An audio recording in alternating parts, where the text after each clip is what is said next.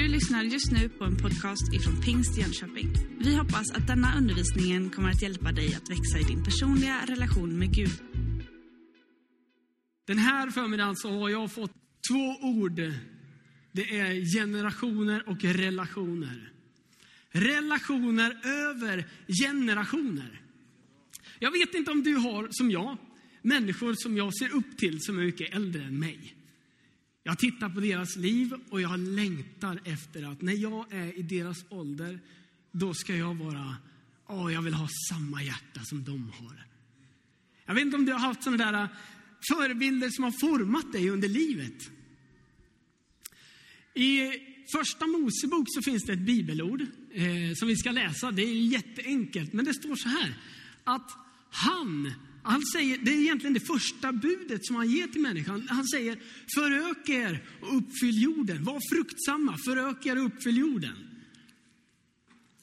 Alltså, typ, var intima och bli fler. Den här morgonen säger det uppenbart att ni åtta familjer som vi fick barnvälsigna och be för, ni har i alla fall lyckats.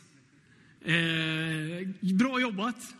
Jag tänker att eh, det här bibelordet inte bara handlar om det här enkla, enkla, som, eller enkla, enkla. Det, det självklara, uppenbara som vi fick be för idag, när ett barn blir till. Utan kanske mer ändå.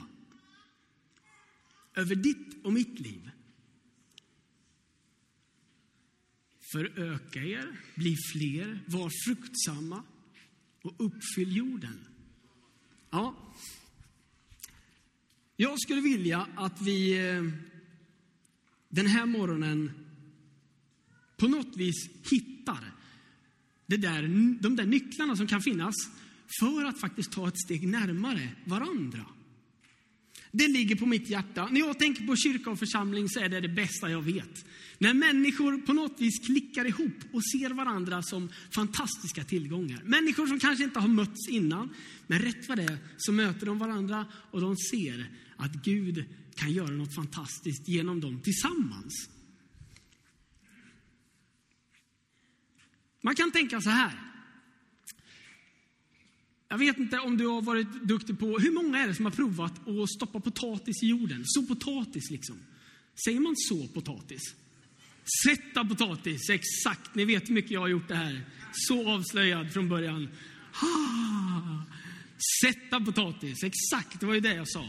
Eh, att sätta potatis, om jag sätter en potatis i en särskild jordmån så har jag i alla fall förstått som att den här potatisen och de planter som växer upp sen, de kommer alltså att ta smak av det som är runt omkring. Den jorden som finns runt omkring påverkar också smaken och hur mycket det växer. Jag hade, en gång så var jag ute på en strand, faktiskt borta vid stugan i Värmland.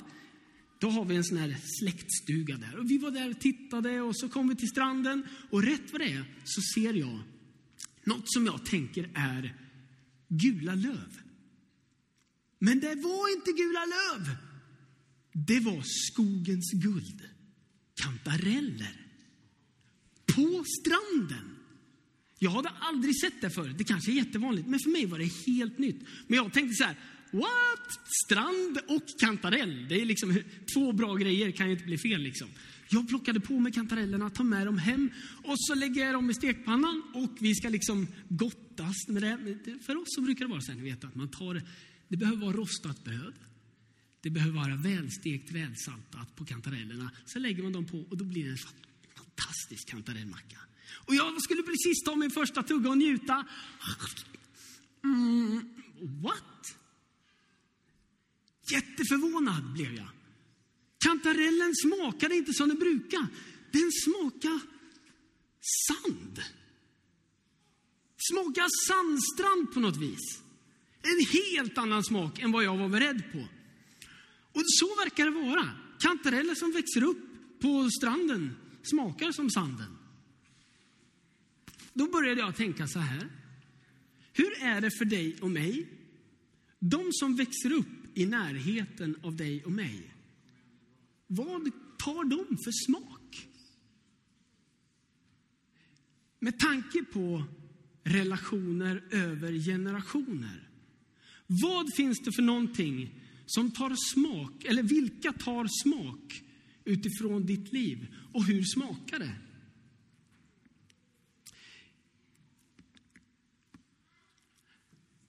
Jag har upptäckt så här, när jag tittar på generationer och vänner och bekanta och släkt runt omkring, att Gud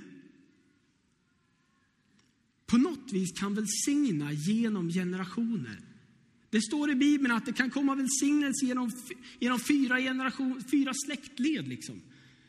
Om Gud får vara där så får det påverka följande och kommande generationer. Om du och jag behandlar våra barn med stor respekt och kärlek, som vi har fått möjligheten till, älskar dem så mycket vi bara kan, så verkar det som att de i sin tur får uppfattningen om att så funkar det. Och så börjar de i sin tur älska sina barn, mina barnbarn och kommande släktled. Det här är ju inte, kärn, alltså det här är inte jättesvårt. Det här är ju enkla saker, sånt som blir självklart. Men jag tror ibland när vi kommer till de här punkterna att vi behöver på något vis stanna upp och bli lite självreflekterande, självransakande och se efter på hur ditt och mitt liv faktiskt bygger relationer för kommande generationer. När jag tittar på de här sakerna som sådd och skörd i Bibeln så blir det också så tydligt.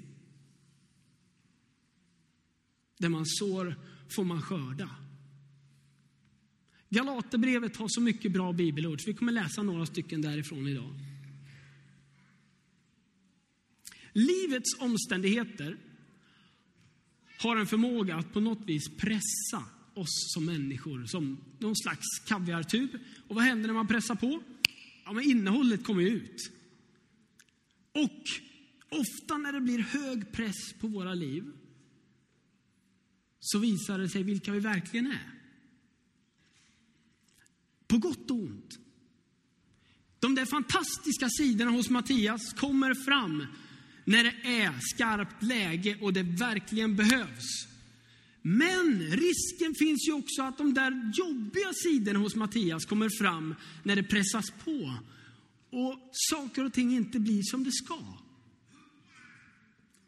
Mitt på något vis dåliga beteende, på något vis grottmänniska-beteende, eller vad man nu ska kalla det. Det där som, jag, som bara händer när jag, när jag inte är på min vakt, när jag inte bestämmer mig för att jag vill rätt saker. Utan jag börjar slarva och jag gör saker som jag egentligen vet är dåligt för mig och andra. Som påverkar dem runt omkring mig, kanske som påverkar mina barn. Som kanske påverkar kommande generationer. Därför blir det så otroligt viktigt vad du och jag fyller oss med. Vad är det för någonting vi stoppar i kaviartuben så när, press, när, när pressen kommer så kommer det ut de bästa sakerna. I Bibeln, i Galaterbrevet kapitel 5, så kan vi läsa om andens frukter. Det står så här, andens frukt däremot, och det är alltså andens påverkan, alltså Guds påverkan i mitt liv. Bara säga några ord innan, det är innan vi läser. Det här är på något vis Guds sätt att plantera sig själv på min insida.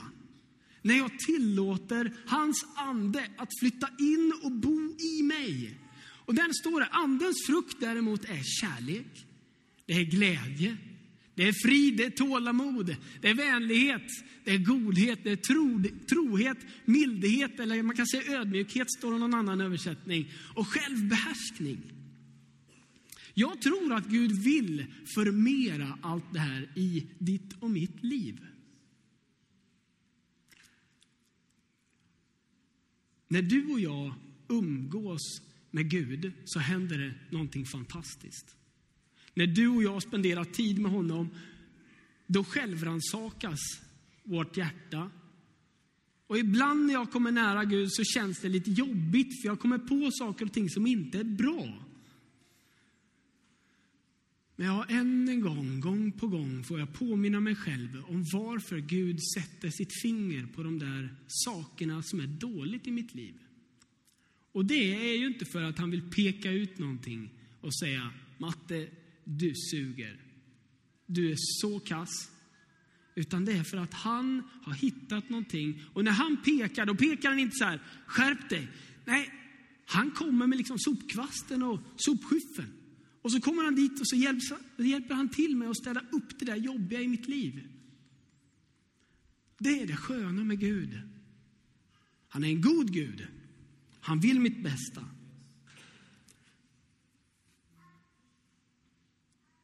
I Nya Testamentet så verkar det som att Gud visar att anfall är bästa försvar. Ibland så kan jag tänka på mina dåliga sidor. Om jag bara fastnar i att jag får inte göra dåligt, då blir det som att, typ, man brukar säga det, eller jag vet inte om man brukar säga det, det brukar jag säga i alla fall. Tänk inte på en rosa elefant. Alltså då tänker man ju på en rosa elefant. Tänk inte på det här. Du får inte göra det här, du får inte göra det här. Och likadant är det med barnuppfostran. Du vet, om jag säger till våran Sigge som är ett år, typ, du får inte kasta mobilen i toaletten. Vet ni vad han blir sugen på att göra då? Han blir jättesugen på att kasta mobilen i toaletten. Eller hur? Och nästa gång jag säger kasta, då associerar han direkt till mobilen. Då ska han ha mobilen och kasta den igen, eller hur? Det är ju märkligt det där.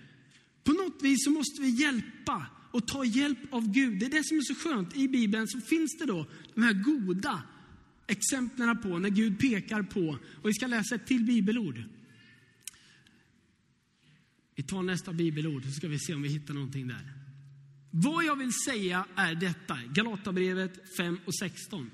Vandra i anden så kommer ni inte att göra vad köttet begär. Och i den här kontexten så är köttet en bild på det där jobbiga i mitt liv, det dåliga, det är min sämre mänskliga sida. Och istället då för att tänka, jag ska inte, jag ska inte, jag ska inte, så säger Bibeln, vandra i anden. Inte håll handen, vandra tillsammans med, utan vandra i anden. Det är på något vis det maximala av gemenskap som man kan hitta, eller hur?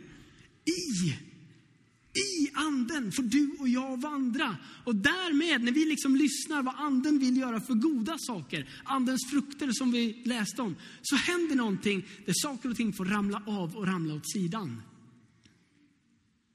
Fokuset blir rätt och vi sträcker oss mot det som bygger upp oss. Det kanske finns saker och ting som vi vill bli av med. Det kanske är hemligheter som ingen annan vet om. Det kanske är saker och ting som faktiskt har följt i generationer i din släkt eller i din familj. Jag tror att alla familjer jobbar med sådana saker. Drag. Drag, beteendemönster i familjer där man vet om att det här är ju inte det där som vi är mest stolta över, men det finns där. Och någonstans så uppmuntrar Bibeln oss till att ta tag i de där sakerna. Att sträcka oss för att ta tag i sopkvasten, göra jobbet som behöver göras, lyfta på mattan, sopa undan allt det som har varit under mattan tidigare och göra rent hus. Och jag tror inte bara att det är så lätt alltid som att ah, vi gör upp med det, vi pratar om det och sen är det klart. Utan ibland så är det faktiskt så att en del sådana grejer behöver man Guds hjälp att be för.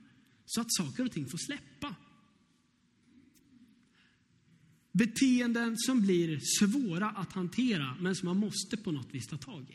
Och jag, jag kände bara att Gud påminde mig inför idag. Så jag vill bara leverera det här på något vis, på det bästa och ödmjukaste sätt jag bara kan. För jag känner att för min egen del så har jag också en del bitar att ta tag i. Och när man pratar om de här sakerna, vad vill du föra vidare till nästa generation?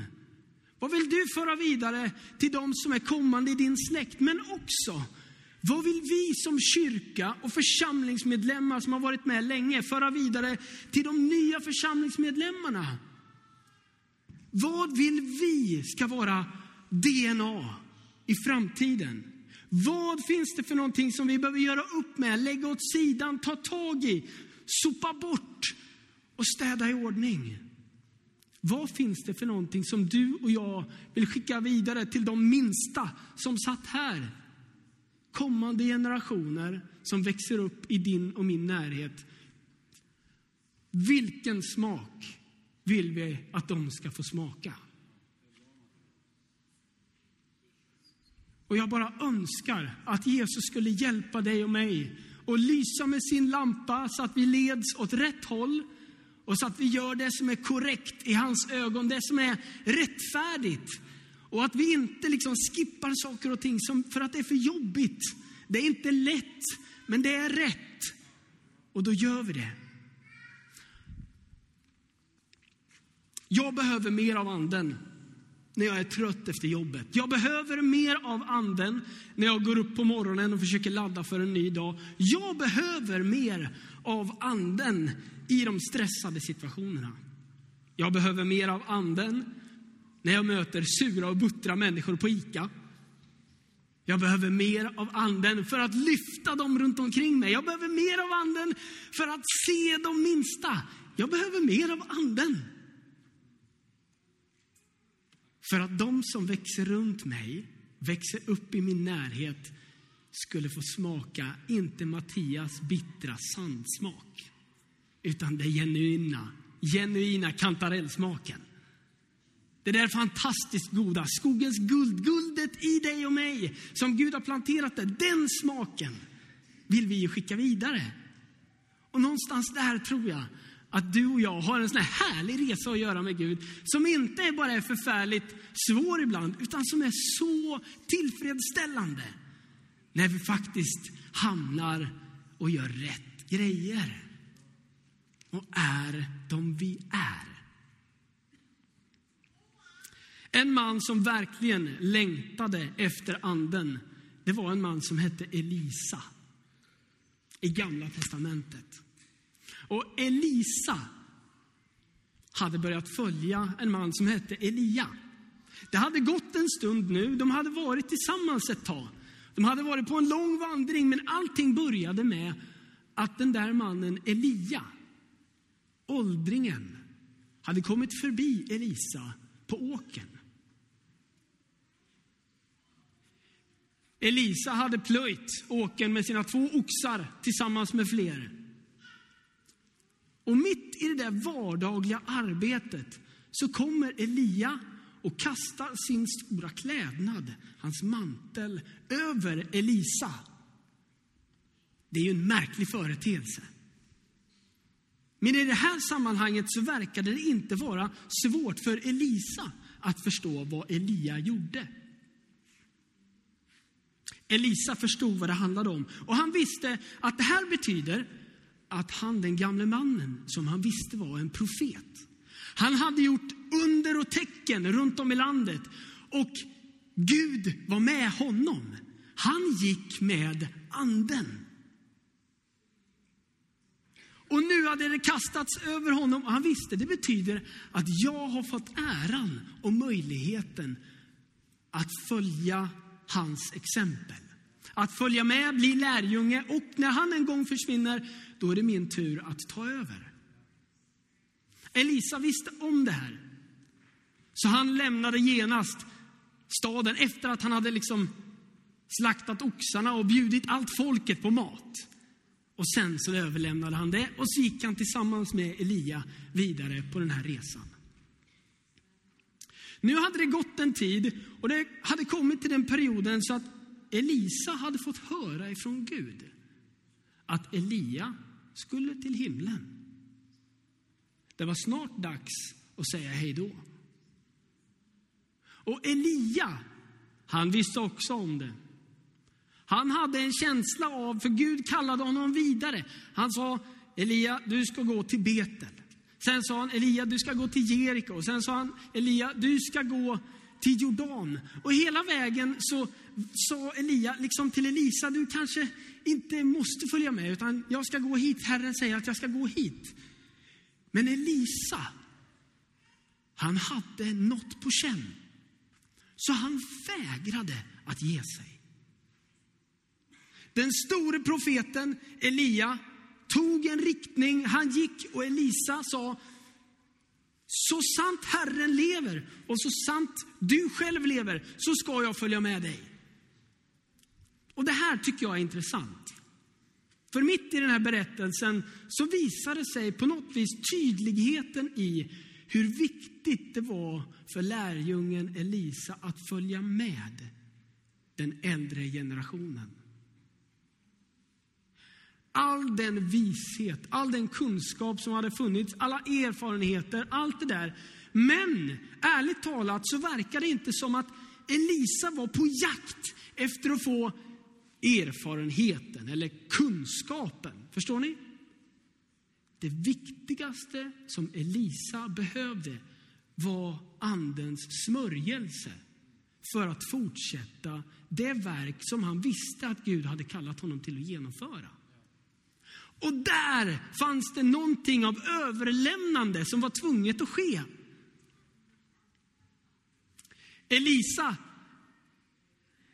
tjatade till sig att få fortsätta och följa med. Och Elia sa till slut, det är snart dags för mig att åka mot himlen. Vad finns det jag kan göra för dig? Jag tror att Elisa hade önskat och längtat efter att den där frågan skulle komma. För då, förstår ni, då tar Elisa ifrån tårna. Han tar ifrån tårna. För du vet, varför gör han det här? Jo, men när man tittar på texten så har de varit på olika platser. I Betel och Jeriko. Där saker och ting inte var som det hade varit förr. För länge sedan hade det varit fantastiska platser. Men under en tid innan detta händer så hade det förfallit. Och Elisa hade förstått att om jag ska vara med och påverka den här generationen, världen som ligger framför, tiden som ligger framför, då måste jag få del av smörjelsen som Elia bär på. Andens närhet. Att vandra i anden. Här så tar han i och han säger Elia, jag vill be om att du ger mig den dubbla smörjelsen av vad du har. Jag vill ha vad du har, fast dubbelt så mycket. Och det här var ingen liten kille i smörjelse. Han hade ju varit med och gjort fantastiska saker.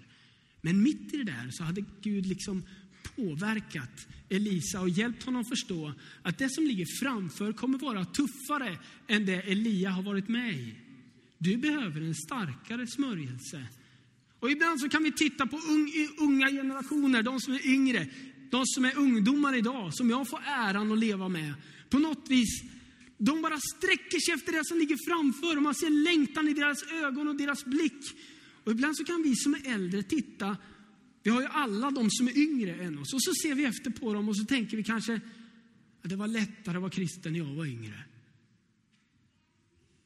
Vet du, jag tror inte bara att det är en fin reflektion. Utan jag tror att det är någonting som förpliktigar när du och jag som äldre generation ser det. Jag tror att det förpliktigar för att hjälpa oss att inse att vi måste utrusta den kommande generationen. De små som vi såg på scenen, de nya medlemmarna, den unga generationen. Att faktiskt greppa tag om anden. Greppa tag om det liv som du och jag har fått smaka. Som inte handlar om beteendemönster utan som handlar om livet. Samtalet med Gud själv. Så Elia svarar, det är något svårt du ber om. Men om du ser mig när jag far till himlen, då ska du få det. Och vad var det som var svårt? Var det svårt för Gud?